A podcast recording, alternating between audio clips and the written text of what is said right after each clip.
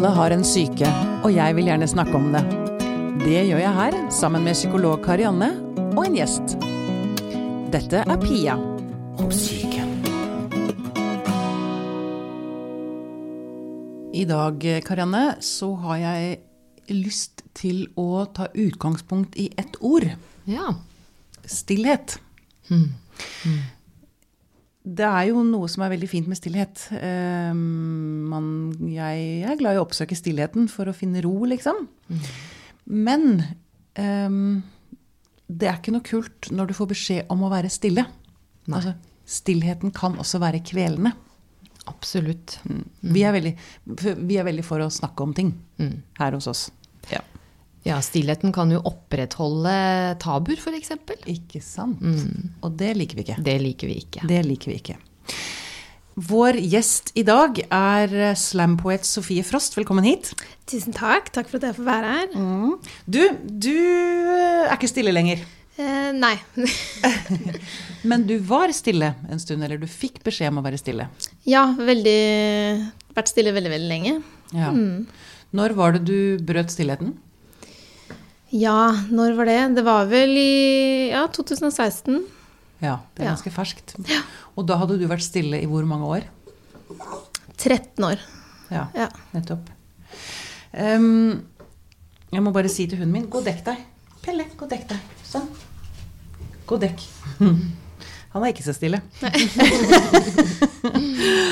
um, hvorfor er man stille?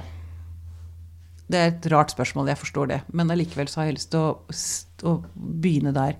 Hvorfor er vi stille? Hvorfor, hvorfor holder vi kjeft om alt dette som kan gjøre så vondt? Eller ja, overgrep, eller ja. Hvorfor er vi stille? Det er et utrolig godt spørsmål. Jeg vet jo nesten ikke helt selv, men for meg så Det var vel hovedsakelig skam. Og bare ikke helt klare å Ikke klare å formulere meg, ikke klare å på en måte se at det var noe verdi i å fortelle det. Det føltes ut som det kom til å bli mye verre. Hvis At- du snakket? Ja, at alle andre kom til å vite at dette har skjedd med meg, og jeg har hatt mye skyldfølelse i alt. Og det var jo utgangspunkt, utgangspunkt i at jeg først, da noe skjedde med meg, så fortalte jeg jo om det. Da var jeg jo ikke stille. Men da ble jeg jo møtt med at dette på en måte snakker vi ikke helt om, eller Jeg snakket jo med moren min, og hun visste jo ikke helt hva hun skulle gjøre med det. Hun skjønte ikke omfanget, hun forsto ikke det, egentlig. Det var et overgrep du ble utsatt for da du var 13. Ja. Det prøvde du å si noe om. Ja, jeg fortalte mamma om det. Ja. Eh, Men den mannen som gjorde det, han har alltid vært sånn, og det har vært akseptert. Eh, Måten han har vært på, og hun så ikke alvorligheten i det. Eh, Og hun ser det nå, helt klart, og klandrer seg selv for at hun ikke tok tak i det da. Men, men da forsto hun ikke. Det var bare sånn det var. Sånn er det. Sånn er han, og det er akseptert. Og han er, eh, han er klåfinger, og må ikke tenke så mye på det på en måte. Så da, når andre ting skjedde med meg siden med andre mennesker, så var jeg sånn ja ja, men sånn er det jo. Så det er jo ikke noe vits i å si noe, tenkte jeg. Nei. Du lærte deg egentlig at uh, kroppen din altså du, At du skulle være grenseløs, liksom? Eller? Ja, at det er ikke jeg som bestemmer over den. At menn har rett på den hvis de ønsker den. Mm. Var det, som, det var jo aldri sagt, det ble aldri sagt til meg, men det var det jeg forsto. Og lærte ut fra hvordan jeg ble møtt da jeg fortalte om det som hadde skjedd. da. Nettopp. Og det er jo i alt av media og filmer og sånn, også romantiske komedier, alt. dette er jo overalt, så man blir jo innprinta med det fra ganske ung alder. Mener du det? At det er i romantiske komedier og sånn? Å, romantiske komedier er det verste! Og bare prøv å se, Hvis jeg ser gjennom de filmene jeg har sett, som jeg elsket da jeg var ung, og ser de nå med alt det jeg kan nå, så er det jo, de er jo helt forferdelige. Alt handler jo om en mann som har lyst på en kvinne. Kvinnen har ikke lyst på mannen, så hun er uptight og vanskelig. Hun må slippe seg løs, hun må la denne mannen eh, på en måte bli en del av livet selv om hun ikke vil, og han skal bare prøve til hun gir seg, og så er det ekte kjærlighet. Jøss, yes, det har jeg aldri tenkt på. Nei, det er bare å begynne å se de filmene igjen nå, fordi det er eh, mye som ikke er så greit, altså. Jøss, det det var en ny tanke. Nå skal jeg ta et nytt blikk på gamle filmer. Men se, Karianne, jeg har lyst til å spørre deg også om dette med stillhet. Ja. Du som terapeut, du har vel kanskje møtt mange mennesker som har ligget under stillhetens åk i mange år. Mm, absolutt. Hva tenker du om dette med stillhet og skam og sånn? Nei, jeg syns jo Sofie sier noe veldig viktig her i forhold til hva er det som ofte styrer stillheten. Hvorfor, blir, hvorfor eh, sier man ikke? Hvorfor teller man ikke? Og det er vel nettopp gjerne skammen som gjør at eh, man holder tilbake. Og så er det kanskje litt sånn vanskelig å forstå Altså skam kan høres så det høres ut som en vanskelig følelse, da. Men eh, hvis man bare liksom prøver å se for seg at man har blitt ordentlig flau en gang liksom hvis, noen, hvis du har eh, rødma eller gjort noe du sjøl syns har vært dumt, eller blitt avslørt i noe, så blir man flau. Det er kanskje en følelse som man går an å relatere seg til, og det minner jo litt om skammen. Og den er jo sånn eh, natur, Skammens natur er jo at eh, det kroppslige uttrykket blir liksom at man forsøker å dekke seg til, se ned, har lyst til å krype under et teppe, vil helst ikke bli sett. Vil ikke at andre skal se en, fordi det er så vanskelig. Um, og det, nettopp det at man gjør det, opprettholder jo gjerne alle vanskene, da. Ja, skammen blir egentlig forsterket Ja. av stillhet. Ja, fordi Absolutt. Fordi man tenker jo gjerne også gjennom det. Jeg syns du òg sier noe om det, Sofie, i forhold til hvordan du reagerte når du fikk høre at eh, det ikke var eh, eh, det ikke var greit at du snakka om det, eller at det ble bagatellisert. da. Fordi det som ofte skjer da, tror jeg er at man tenker at det må være noe med meg. Ok, Er det noe jeg har gjort, da? For du, du nevnte skyldfølelse òg. Selv om det, altså Skyldfølelse er jo en følelse man har fordi man tenker at man har gjort noe galt. Eh, men skam er mer en sånn opplevelse at man er feil. Eh, og hvis man begynner å kjenne skyldfølelse for at noen har krenka en, eh, så sier jo det noe om hvor mye en legger krenkelsen på seg. Selv om en egentlig ikke har noe ansvar i det overhodet. Ja, det er det som er så urettferdig. Ja, det er veldig urettferdig. At den som blir utsatt for overgrep, er den som bærer skylden og skammen. ja, det skamløse fra den andre blir på en måte eh, projisert, som vi sier på psykologspråket, altså nærmest lagt inn i den andre, og så er det den andre som går og bærer på den skammen som den andre burde ha følt på. Mm, nettopp.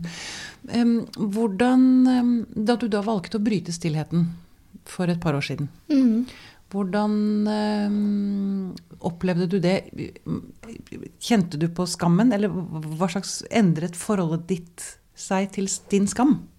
Ja, før jeg på en måte gikk på scenen og fortalte alt, så hadde jeg jo gått i terapi i noen år og jobbet veldig mye med skam. De første tre månedene jeg var hos en terapeut, så jobbet jo bare med at jeg skulle klare å se på henne. Fordi jeg klarte det ikke, for jeg hadde så mye skam at jeg klarte ikke å se henne inn i øynene engang. Så jeg hadde jo jobbet ganske mye med meg selv, og, men det satt jo veldig langt i å skulle fortelle alle rundt meg alt jeg har gått gjennom. Og da var det gjennom, gjennom spoken word at jeg fant en måte hvor jeg kunne formulere meg på min måte, og hvor det ikke ble en samtale, på en måte. Det var Jeg sa det jeg ville. Det var, om man kan si, et kunstverk, en performance. Sånn at det, gir jo rom for folk å komme og, og snakke med meg etterpå, selvfølgelig, men det er ikke en diskusjon. Det er ikke en samtale hvor du får direkte liksom Ja, Det er en liten avstand i det, eller Ja, og det var også, jeg hadde kommet til det punktet hvor jeg, for, jeg forsto at det som har skjedd med meg, var ikke min skyld, og jeg visste at jeg hadde rett. Ja. Um, så jeg følte meg veldig styrket etterpå. Det var jo ufattelig skummelt, fordi jeg hadde jo valgt en scene hvor jeg hadde noen venner som skulle komme, og søstera mi lovte å være der, for hun hadde hørt litt av det. Men så viste det seg jo at det var noe annet som også skjedde den kvelden, så nesten hele min gamle skole var der. Eh, og rektoren min og lærere. Så det var plutselig en helt sånn Alle kjente meg i den salen på et eller annet vis. Men det ble egentlig en ganske fin ting, fordi de har jo sett meg og jeg har, at jeg har slitt med ganske mye i løpet av utdannelsen, men ikke helt visst hva. Så de fikk jo også mye svar og mye forståelse. Ja. Og det var sånn sett egentlig ganske fint at det var folk som kjente meg, fordi de forsto at det jeg sa, det var jo sant, med tanke på at de vet hvordan jeg har hatt det, da. Ja, nettopp. Så ja, det var mye skam som ble borte da. Ja, Men for, jeg vil bare høre med deg, hva, hvordan slet du da i, gjennom eh, utdannelsen? Hva, hva, så andre? Jeg bare tenker på Kanskje det er andre unge der ute som går med lignende opplevelser, som sliter på skolen. Eh, og ja, hvordan arter det seg? Kan du altså, Er det angsttendenser, eller var det altså, Jeg hadde en del angst, hadde en del sånn, jeg tror det heter panikkangstanfall. ja, Uh, og jeg falt inn i en depresjon. ja. Så jeg var veldig mye apatisk, samtidig som jeg hadde et enormt kontrollbehov overfor alt, ikke bare meg selv, men alle rundt meg. Så det var utrolig slitsomt å gå i klasse med meg. Fordi jeg var veldig sånn, hvis ikke folk var der da vi skulle starte, så ble jeg veldig frustrert. Fordi vi oh, ja. starter ni, så kommer du fem over ni, så ødelegger du for alle. Og var liksom veldig sånn. Og nå har du Ah. mobilen på i timen, der fikk du en melding. Det forstyrrer andre, du må ta hensyn. Du snuser, vi skal ikke snuse i timen her. Du har tyggis. Læreren sa forrige uke at vi ikke skulle ha tyggis i timen. Og det ble helt sånn da, på alle andre. Men også meg selv, og det var jo fryktelig slitsomt for meg og for alle rundt. Ja. Så det var, gikk mye i det å konstant måtte ha oversikt over hver minste lille ting. Samtidig som jeg også hadde dager hvor jeg var helt apatisk og satt der på gråten og deprimert og klarte jo ikke, klarte jo ikke jobbe. Jeg fikk sparken fra jobben min fordi jeg fikk ikke til å komme. Jeg fikk angstanfall hver gang jeg var der. Klarte ikke sosiale sammenhenger. Ja, mye, mye greier. Nettopp. Eh, Kjenner du igjen dette, Karianne? Er dette på å si, klassiske Ja, absolutt. Panikkangsten og isoleringstendensene, og, og spesielt den opplevelsen av å være redd for å bli sett. Eh, altså, det er det veldig mange som kan synes er veldig vanskelig. Altså at man skal ha øyekontakt, for da er det som om man avslører seg selv på en eller annen måte. Um, og, og eh, det Men du har jo på mange måter som funnet din vei inn i og begynne å snakke om dette her. Det er det som er sant, Alle kan finne sin vei, finne ulike måter å løse dette her på. Du har løst det på, på din måte ved å, å, å begynne å snakke om det eh, i større forsamlinger. Det, det kan være kanskje veldig skummelt for andre å sitte og tenke på nå, men det, det nytter å begynne å snakke med én, da. Den ene først. Ja, for jeg skulle til å si det. Det er nok ikke noen, det er ikke kanskje ikke noe sjakktrekk å gå fra Nei. å være helt stille Nei. til å stå på en scene. Nei, det er nok viktig å få fram. Det er viktig å si liksom, at du gikk i terapi. Ja, jeg, jeg har gått i terapi siden jeg var 20, så det er jo åtte år nå. Ja. Eh, Så det er virkelig å få hjelp av noen som kan dette. Og man kan ikke bruke venner og familie som terapeuter. De kan være støtte, men de kan kun støtte deg til et visst punkt. Og det kjenner jeg veldig, for det er ufattelig slitsomt også å være den vennen, for det har jeg vært for flere, hvor de trenger hjelp, og de trenger hjelp av noen profesjonelle, men de bruker meg. Og jeg vil jo være der, og jeg vil jo støtte og prøver å få dette mennesket til å gå i terapi, men de syns jo det er utrolig skummelt. Men det er virkelig det man jeg tror er det sunneste, og det som faktisk kan hjelpe en mye lenger på vei, da. Ja, ja. Men folk syns det er skummelt å begynne i terapi. Jeg tror det er veldig eh, Er stigma riktig ord? Jeg er ikke så flink på sånne fancy ord. Eh, Jeg tror svaret er ja, ja, på det ja, men spørsmålet. ja, for det er mye, Ja, mye rundt det. At eh, det er flaut, og da er du virkelig syk. Eh, og jeg har jo gått i terapi mye, men det var jo ikke før Men så flyttet jeg til England og hadde litt terapifri, og gikk litt i terapi, men hun sa nei, nå er du helt frisk, sa hun. Og jeg skjønner jo at det ikke var en god terapeut, fordi jeg var på mitt sykeste. Um, og det var jo ikke før jeg, jeg måtte jo flytte hjem, fordi jeg var syk konstant, fysisk syk hele tiden, og klarte jo ikke å gjøre noen ting. Og moren min sa nå drar du hjem, fordi vi må ta deg til legen. Jeg visste at det var pga. psyken, men jeg håpet at jeg var allergisk mot tomat eller noe. Ja, at det, det var noe liksom sånn enkelt, konkret, Ja, noe som kan fikses. Her har du en pille eller Ja. en liten mild operasjon. Jeg vet ikke. Ja, bare slutt å spise gulrøtter, så går det fint, liksom. Mm. Så jeg følte meg veldig syk da pappa kjørte hjem til mamma. Vært skilt i mange, mange år. eh, Og de skal snakke sammen med meg om meg. Og kjører meg begge til legen og sitter der og bare 'Nå må du fortelle alt'. Det Da Å, da følte jeg meg syk. Ja. Og det er ikke gøy. Nei, det er For man vil jo være sterk og man vil klare ting, men da var jeg sånn Oi, shit. Mm. Og så er det kanskje akkurat da du òg var sterk. På mange måter når du gjorde det. For det, er jo, det, er, det, det kreves utrolig mye styrke for å kunne klare å begynne å snakke om disse tingene her. Eh, men man føler seg kanskje så liten, og skammen blir enda større. Og, men det å begynne å snakke så vidt om det, det er jo Og det er jo også det som Fordi du spør Pia om det er skummelt å gå i terapi, og jeg tror vi kan bare si at ja, det er det. Fordi terapi er jo endringsfokusert arbeid. Ja, du må, og du må være villig til å se ja, på deg selv. Ja, og det. løfte frem alt det skamfulle, alt det vondeste. Selvfølgelig. Ja. og der vil jeg virkelig heve fram skolen jeg studerte på. Jeg gikk på NSKI høyskole, heter de nå. De var jo ikke høyskole da jeg gikk der. men jeg tror ikke jeg hadde begynt i terapi hadde ikke vært for dem. For vi jobber jo, det er jo en skuespillerutdannelse basert i method acting, og da jobber du veldig med ting som har skjedd deg.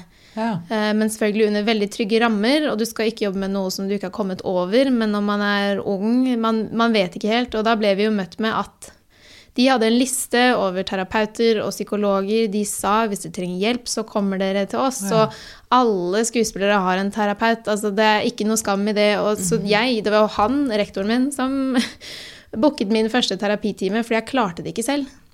Mm. Så jeg gikk jo dit. Jeg bare hadde fått nummer um, telefonnummeret hennes for seks måneder siden. Jeg hadde gått med den lappen i lomma i seks måneder, ikke klart å ringe. Og så gikk jeg ned og bare du, du må ringe. Han bare selvfølgelig. Ringte, bestilte time. Og det liksom det som var starten. Så det er jo veldig godt, i hvert fall det miljøet, føler jeg er veldig Method acting blir jo veldig slått hardt ned på sånn ellers, men det er okay. folk som ikke kjenner til det. Mm. Men det er utrolig støttende miljø som snakker om disse tingene, da. Ja, ja. Eh, det skulle vel alle hatt, holdt jeg på å si. Et eller annet menneske som kunne booke mm. timen for det. Mm. For det, det, er altså så Det kan være så tøft. Ja. Bare å ta det første steget. Hvordan, hvordan, hva skal vi hvis, Igjen, hvis det sitter folk og hører på som har det fryktelig vondt, og som ikke tør. Hva, åh, hva jeg har slutt å be Si det, bare ta den telefonen! Hva er det, hva er det, hva er det verste, verste, som kan skje, liksom? Altså, at det er sant. At det er sant, hva da? Alt det du har opplevd, at det er sant. Jeg har, ja, jeg har slitt mye med at er det sant, er det ikke sant? Overdriver jeg? Og hvis jeg faktisk blir møtt med at oi, du har opplevd veldig mye, så er det sånn å herregud, jeg har opplevd Det, det har skjedd. Det er ekte, da. Shit, det er akkurat det er akkurat som at da tar du Da går det fra å være en mulighet til å bli et faktum. Eller? Ja. ja. det er egentlig Det er vel noen som har sagt noe sånn som at uh, psykoterapi er egentlig en sånn desillusjonsprosjekt. Altså at man på mange måter kanskje lever i en form for illusjon, da, eller et, en fortelling om hvordan livet er og har vært, og hvem jeg er, og så går man i terapi, og så, og så er det noe om å bli litt desillusjonert en periode, fordi man blir nødt til å se sin ah. fortelling og seg selv på nytt. Så det er jo faktisk litt i samme gata som det du sier om nå, Sofie. Ja, akkurat. Mm. Så, så, ja. Mm. Um, interessant, altså. Um, men, men ut, og utover det, for det er, så kan jo liksom Det verste som kan skje det er interessant at du får fram akkurat de nivåene i det, Sofie. Og så tror jeg sånn på et helt sånn praktisk plan så kan det verste som kan skje, er vel at eh, vedkommende sier at vet du hva, akkurat nå så er det fullt på mine lister. Ja, ikke sant. Og, og da faktisk, kan man hjelpes det... videre, eh, på en måte. Altså, og det har ingenting med den personen som ringer og ber om hjelp å gjøre. Det er rett og slett det praktiske. Ja. ja, det var jo noe av det jeg var mest redd for. Ja. Det var jo fordi uh, for moren min ville veldig gjerne ha meg inn i Follo-klinikken, mm. uh, som er i Ski, og mamma bor i Ski og har hørt veldig mye bra om de. Da, men det er jo lang ventetid, og eh, det er jo mange traumespesialister der. Og da sendte vi jo henvisning, var hos legen og fortalte alt. og jeg husker da jeg fikk det brevet i posten fra de om jeg ble tatt inn eller ikke. Og én ting var jo å lese alt det legen har skrevet ned om meg, og på en måte se å ja, ok, det, ok, det her er meg, ja. Dette, det er på svart-hvitt hva jeg har opplevd, og mm. hva jeg sliter med, og hva han, jeg, hva han, tror jeg sliter med. Og jeg var redd for å ikke komme inn, og jeg var redd for å komme inn. Jeg var redd for å ikke komme inn fordi jeg har problemer og jeg klarer ikke å fungere. Og jeg vet jeg trenger hjelp, og så var jeg redd for å komme inn fordi da er jeg faktisk syk, og da trenger jeg faktisk hjelp. Mm. Eh, så det var en sånn ja, Veldig ja. blandede følelser rundt det. Ja, for det er kanskje det første steget faktisk å akseptere at jeg, jeg, har det ikke bra. Jeg er ikke frisk, ja. liksom. Mm. Jeg trenger hjelp. Det er, jeg, jeg vet at det, er, det, er, det, kan være en stor bøg, det, for mange. Men du, um, jeg um, har lyst til å stille deg et spørsmål til. Hvordan man klarer å velge å ikke hate. Du har en veldig, veldig sterk uh, Det er en veldig sterk film som ligger på NRK. Når var det den kom ut? Uh, det var vel 2016. Det var det ja, første diktet jeg skrev. Ja, akkurat. Mm. Um, hvordan klarer man å ta det valget? Det er kjempevanskelig. Mm. Jeg har lest et par av de kommentarene under den videoen ved en feil. Ja. bare hun, hun hater jo, du ser jo det på hele ansiktet hennes. Eh, og, men jeg sier jo hver dag tar jeg valget. Mm. Fordi jeg må ta det hver dag. Mm. Det er ikke sånn at jeg kan ta et valg og bare OK, nå velger jeg å ikke hate. Og ferdig med det. Ja, ferdig. Mm, det er noe jeg må jobbe med hver eneste dag, fordi det er jo det letteste. Det er den absolutt letteste måten å virkelig bare skylde på noen. Eller ja, det er jo noen som har gjort noe mot meg, men allikevel bare rette alt til den personen istedenfor å tenke på meg selv og hvor jeg ønsker å være, og hvor jeg vil være, og hvordan jeg vil føle. Fordi hat er jo en helt forferdelig følelse. Mm. Det gjør så vondt, og det tar så mye energi. Så det er vel et av de vanskeligste valgene jeg tar hver dag. Ja. Å, ja, og som du sier, du har jo jeg håper å si, grunn til å hate at du ble utsatt for overgrep da du var 13. Ble voldtatt da du var 16. Og du mistet en god venn på Utøya. Ja. Mm. Um, så det er Altså, jeg kan slite med det selv, jeg. Jeg er også blitt voldtatt. Um, og har, og jeg, altså på en eller annen måte så er det det letteste er å hate altså den, mener, hmm, Hvordan skal jeg si dette? Det som er viktig, tror jeg, da eller Jeg spør dere. Én ting er å tillate seg selv å føle det raseriet. Mm. For i raseri så tenker jeg at det ligger veldig mye styrke. Ja, det tenker jeg også. Ja. Mens hat altså Poenget er at det går jo egentlig bare utover en selv, for det er bare så mm. vondt. Ja, igjen, det er ikke noe spørsmål, det er åpent forum. Altså, ja. Nei, ja, men jeg tenker jo Og, og, og raseri Jeg føler det Det fins jo to på en måte forskjellige typer raseri. Du har, om man kan si, et produktivt og sunt raseri, mm. og så har du et veldig destruktivt type raseri der jeg tror kanskje hatet ligger. Ja. Uh, og det er på en måte Jeg driver jo nå og lærer meg å bli sint. Ja. Fordi jeg har ikke vært sint siden jeg var syv år. Uh, men da, men da prøve å lære meg å være rettferdig og sunn sint. Men jeg syns det er så skummelt. Å være sint, ja. Det er kjempeskummelt. Ja. Jeg blir helt satt ut av hvor skummelt jeg syns det er.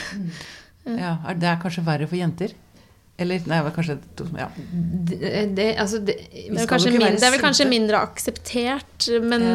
der igjen så er det jo, det vil jeg tro flere jenter og kvinner som oppsøker hjelp hos psykologen, kanskje mm. gutter og menn, for de får jo ikke lov til å føle mm. på de sårbare Nei, følelsene. Ja. Ok, nå skal jeg slutte til uh, fag, fagfolket her. Nei, altså, men, men, jeg tror litt av, litt av, utfordringen med hat, som dere sier noe nå, er nettopp fordi at det, som dere sier, vendes ofte innover.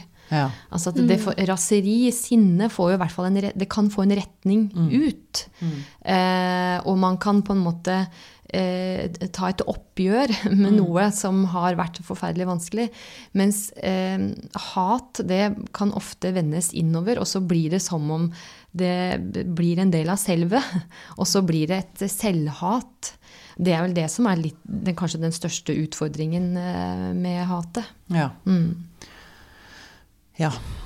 Du, jeg vil snakke litt mer om uh, spoken word, eller ja. slampoesi. Du var så vidt inne på det i sted. Ja. Du får sagt ting på en Eller for meg så høres det ut som det har blitt et veldig veldig viktig verktøy for deg. Til ja, å få sagt veldig. veldig mange ting. Jeg så også det du skrev til din mor. Ja. Mm. Hvor du får sagt ting på en veldig altså det, det, blir på en eller annen måte, det blir så mye sterkere på en eller annen måte. Eh, men tenker du sånn når du skriver diktene dine eller slampoesien Har du noe konkret du gjerne vil få sagt, liksom? Eh, det er et dumt spørsmål, det er veldig dumt formulert. Men har du liksom 'Nå må jeg få sagt dette til mamma', og da skriver jeg Det tok ganske lang tid før jeg turte å sende det til mamma. Jeg hadde ja. faktisk opptrådt med det flere ganger før hun fikk lese det. Oh, ja. Men eh, det var da jeg vurderte om jeg skulle ha det på Norske Talenter, at jeg sendte det til henne, for jeg hadde aldri gjort det sånn offentlig mm. uten at hun syntes det var greit. Mm. Eh, Så hun eh, fikk god tid til å lese gjennom og tenke på det, snakke med noen om det, hva hun syns om det. Fordi det blir jo en eksponering for henne også. Ja. Og med leddgikt òg, det er jo en usynlig sykdom.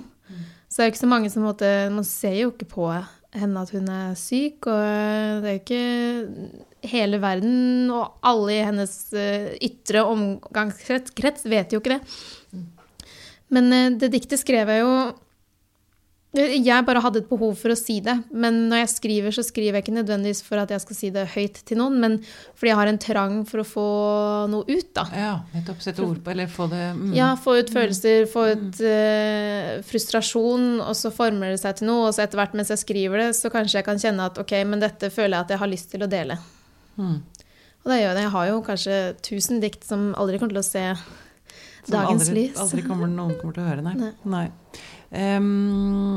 Eh, du er jo da regjerende norgesmester, eller? Ja, I en måned til. I En måned til? Eller to måneder til. Eller da er det nytt NM, eller? Da er det nytt NM, ja. Men du kan jo Skal du jobbe hardt for å forsvare tittelen, eller har du Jeg, jeg vet ikke. Jeg kvalifiserte meg til Oslo-mesterskap i går. Aha, Ja, fordi, gratulerer. jo, takk. Gratulerer. Eh, Så man må jo vinne det da, for å få plass i NM. Og Oslo-mesterskap er den vanskeligste konkurransen. Ah, ok. Fordi det er konkurranse hver eneste måned, og vinneren av den konkurrerer, av de da, konkurrerer i Oslo-mesterskap. Mm. Eh, og da er det jo alle de beste poetene i Oslo hvor det er størst miljø, og fle, folk flest holder på. Mm. Mens rundt omkring i Norge så, så er det jo bare én konkurranse, og den som vinner den, får plass i NM. Det betyr jo ikke at de ikke er dyktige, de er jo dyktige de òg, men det er større konkurranse for å få være Oslo-representant, da. Mm, jeg skjønner. Nettopp. Ja, så Du, vi får har, se. eh, har du noen eh, hvis Men man, kan jeg bare fornevne, Ja, ja, når vi først er inne på sånn eh, begeistrende trivia-ting om deg, så er du vel også regjerende nordisk mester, er du ikke det, da? Ja. Ja, Oh, jeg så måtte det bare visste jeg ikke. Nei, det, Det hadde jeg fått meg. Wow! det hadde jeg fått meg et sted. ja. Jeg skjønner jo det når jeg ser eh, videoene av deg. Det er jo helt ja, eh, Det går rett i marg og bein. Takk. Vær så god. Ja, jeg tror, jeg tror noe av det som eh, ikke sant, Uavhengig av et tema, det kan være et sterkt tema som overgrep, eller det kan være en sykdom, eh, eller det kan være ensomhet, eller det å miste noen på Utøya, altså, så tror jeg eh, det er temaer som det er lett å relatere seg til. For det er temaer som dreier seg om det å være menneske. Eh, og da tror jeg det skaper veldig mye følelser hos de som sitter og ser. Sånn er det i hvert fall for meg. Ja. Mm. Eh, Men har du, hvis, hvis det er, sitter noen unge der ute som kunne tenke seg å prøve seg som slampoet, har du noen eh, tips? Gjør det. Men Det er- hvordan kommer man i gang? Jeg, hvis jeg skulle skrevet til som et Ja, Slamdikt. si? Eh, Det jeg tenker da, med, som jeg er veldig glad i med slampoesi, eller spoken word Slam er jo konkurransen. Da konkurrerer du. Spoken word er selve formen. Eh, og det er jo rett og slett å ikke tenke på hva det skal bli. Eh, ikke tenke på at å, men det her er jo ikke slampoesi, fordi alt er det. Det er ikke noen regler. Det er det jeg liker så godt med den formen òg, At du kan skrive akkurat sånn som du vil. Det er jo en som har vært verdensmester og skrevet dikt om dinosaurer fordi han elsker dinosaurer, og ett om primtall. Altså, Du kan ja, gjøre akkurat det du vil. Det kan være humoristisk, det kan ikke være, det kan rime, trenger ikke å rime. Det kan nesten være en fortelling. Eh, Så ikke tenk på at det skal bli riktig. Rett og slett. At eh, du kan skrive akkurat sånn som du selv vil. Og jeg tenker det aller viktigste tipset er å skrive om noe du bryr deg om. Ja. Ikke tenk på hva andre bryr seg om, eller hva som er aktuelt eller hipt eller populært, eller hva folk snakker om nå. Hva er det du bryr deg om? For hvis du bryr deg om det, så er det andre som gjør det òg. Mm. Så bare ikke sensurer deg selv, Vær ærlig, og hva bryr du deg om? Og skriv om det. Og så kommer du på en open mic på enten Kaféteatret eller Uhørt eller Smelteverket i Oslo. Skjer hver, hver måned har vi flere open mic, så det er bare å skrive seg på, og det er veldig, veldig hyggelig. Ah, Ja. det hører jeg, blir- jeg blir litt sånn klam i hendene bare av tanken her, kjenner jeg. Ja, ja du kommer, kommer du på neste open mic? Eh, Kanskje det. Fordi det tror jeg det er i kveld. Publikum. Oi. Ja, Som publikum fall. eh, Jeg melder meg frivillig som publikum. Ja. si sånn. Men når du, det er veldig interessant når du forteller om hva spoken word er, syns jeg da. Fordi Um, ikke sant? Vi har jo snakka om det i podkasten her tidligere. Ja, du er jo glad du, Ja, og, og, jeg tror, og da skjønner jeg jo hvorfor jeg liker det så godt. Nå skjønte jeg det. Fordi eh, det er så mye i dag som er sånn type perfeksjoneringsprosjekter. Eh, og som dreier seg om å levere. og presentere. Eh, og så jo, jo, jo mer man eh, perfeksjonerer et prosjekt, og jo mer man blir opptatt av å gjøre det, eh, jo mer kan det kanskje bli en beskyttelse for å komme i kontakt med det som dreier seg om at en sjøl føler seg eh, utilstrekkelig eller ikke god nok. ikke sant? Men det her er jo faktisk det stikk motsatte. da. Du skal, du, da skal du faktisk Du skal ikke tenke på å perfeksjonere eller, eller gjøre noe riktig. eller du kan, du kan rett og slett bare få lov til å si noe ut fra hvordan du har det inni deg. Her, er jo, her er jo krysningspunktet mellom terapi og, Ja. og Men det er, man må poesi. samtidig også ha en sånn rytme. Det er den jeg Ja. liksom Å nei, men du må ikke det, skjønner du. Eller du kan ha din egen rytme. Ja. tenker jeg. Sånn, jeg føler jeg har funnet en rytme jeg trives i, og noen andre har en helt annen rytme. Og på en måte så, Ja, ha en rytme, men finn din rytme. Ikke tenk at det er én riktig måte eh, å si ting på. Og så tenker jeg kanskje mitt aller beste sånn hvordan komme i gang. Tips er skriv det dårligste diktet du kan tenke deg. Så bare skriv skikkelig dårlig, og da kommer man i gang. Og så plutselig kanskje det blir det beste diktet. Who knows? Ja, Men ja. Du, ja. du Sofie, jeg har tenkt Jeg har ikke spurt om dette før. Jeg har tenkt å be deg om å avslutte med et dikt. Kunne du tenke deg det? Og jeg vet ikke om Ok, jeg kan prøve. Men, Ja. men før, før da skal, du få lov til, det få lov til å jobbe litt i underbevisstheten din mens jeg stiller deg det siste spørsmålet. Em, har du det bra i dag? Eh, ja og nei. Mm. Ja. Jeg går i terapi hver uke. Skal begynne med å gå i noe gruppeterapi i tillegg til det. Mm. Så jeg er på et stadium nå hvor mitt fokus er helsa mi. Ja. Ja, så blir jobb noe jeg skal prøve å få gjort ved siden av, så godt det lar seg gjøre. Men jeg er i ganske sånn heftig behandlingstid i mitt liv, da. ja. Mm. Mm. Det er så kult å høre deg si det. Ja. Jeg, virkelig, jeg blir bare helt sånn åh, Og der ute, kom igjen! Hvis du har det vondt, så bare be- om hjelp. Ikke vent. Sant? Du er enig i det, Sofie? Jeg er enig i det. Altså, jeg gruer meg hver eneste gang jeg skal i terapi, men jeg vet at det blir verre hvis jeg ikke gjør det. Ja, man kommer jo uh, ja. ofte ut som en sånn vrengt klut. Ja, jeg tar fri. Hver, hver tirsdag er jeg i terapi. Da har jeg fri. Da gjør jeg ingenting mm. annet med mindre jeg har lyst. Jeg drikker ikke noe alkohol. Jeg skal ikke jobbe. Jeg skal ikke sjekke e-posten min. Jeg Ah, kan okay. skru av mobilen hvis jeg vil. Ja, Ja. Det er uh, fridag, for jeg sovner jo egentlig med en gang jeg kommer tilbake. Så. Ja, nettopp. Jeg regner med at du også støtter opp under det, Karianne. Det var bare- veldig gode måter å ivareta deg sjøl på. Å sette grenser. Mm. Og så altså var det et nyansert svar. Ikke minst. Og jeg er sikker på at eh, uansett hvem vi hadde spurt, så tror jeg kanskje de òg kunne sagt Har du det bra? Eh, ja og nei. Ikke sant? Ja. Ja, men det er jo litt det med at Det er rart å si, da, men jeg ser lyset. Og man kan, jeg ser en, at det er en fremtid som kan være bra. Ja. Og det har gått mange år hvor jeg ikke har sett det. ja, var det jeg skulle til. For, og det er jo kanskje forskjellen her, da. Mm. Ja, At man, man ser et håp om at jeg vet at det kan gå bra, og jeg har dager hvor jeg ikke er lei meg. Mm. Eller hvor jeg ikke kjenner på noe angst. Og det er jo noe av det beste, å vite at jeg kan få et flertall av de dagene. Mm. Da er det på en måte verdt den kjipe tirsdagen. Ja, nettopp. Veldig bra. Det er så fint å høre på deg. Eh, og det, jeg håper at det er, eh, kan være til stor hjelp for mange der ute. Mm. Ja, men da, og nå, Jeg skal ikke presse deg. Nei.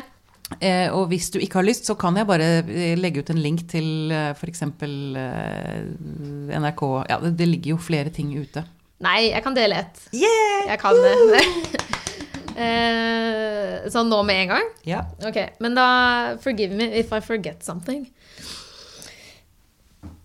Uh, uh, uh, uh. Dette er et, et litt lettere dikt, da. Jeg liker det veldig godt.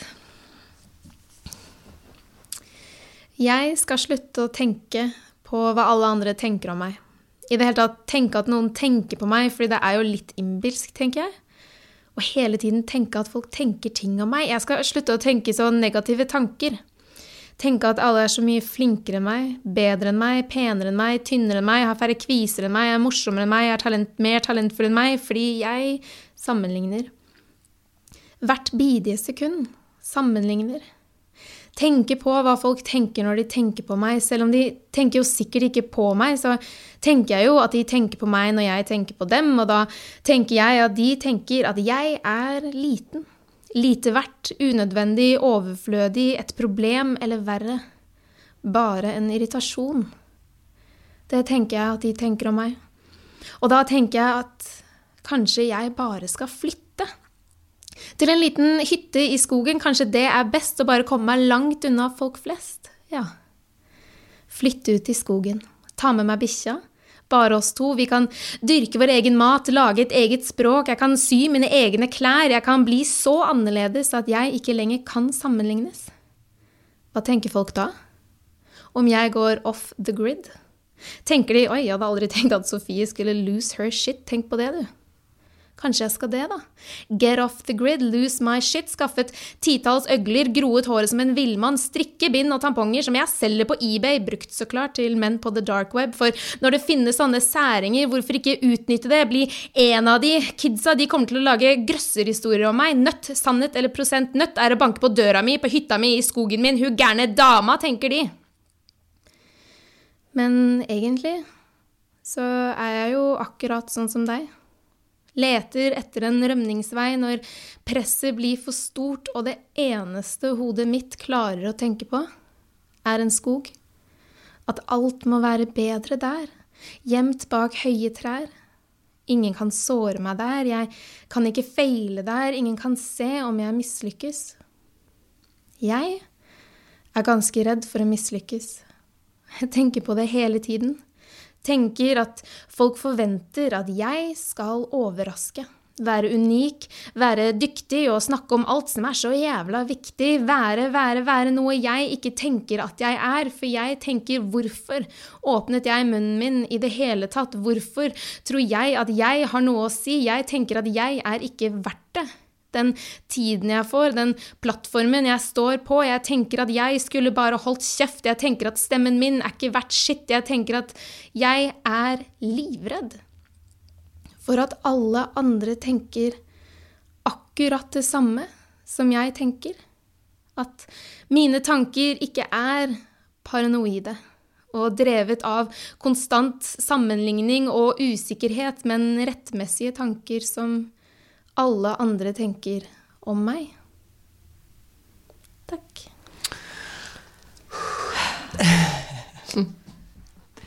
Ja. Og da tror jeg ikke det er noe mer å si, egentlig. Da er det sagt. Det viktigste. Ja. Det kommer alltid noe vått ut av øynene. Sofie Frost, tusen takk for at du kom, og ja, det er, du er en inspirasjon. Du, takk for at jeg fikk komme. Det er veldig hyggelig. Min første podkast. Mm. Bra, det. Da er vi gjennom det. Så mye som jeg babler. Ja.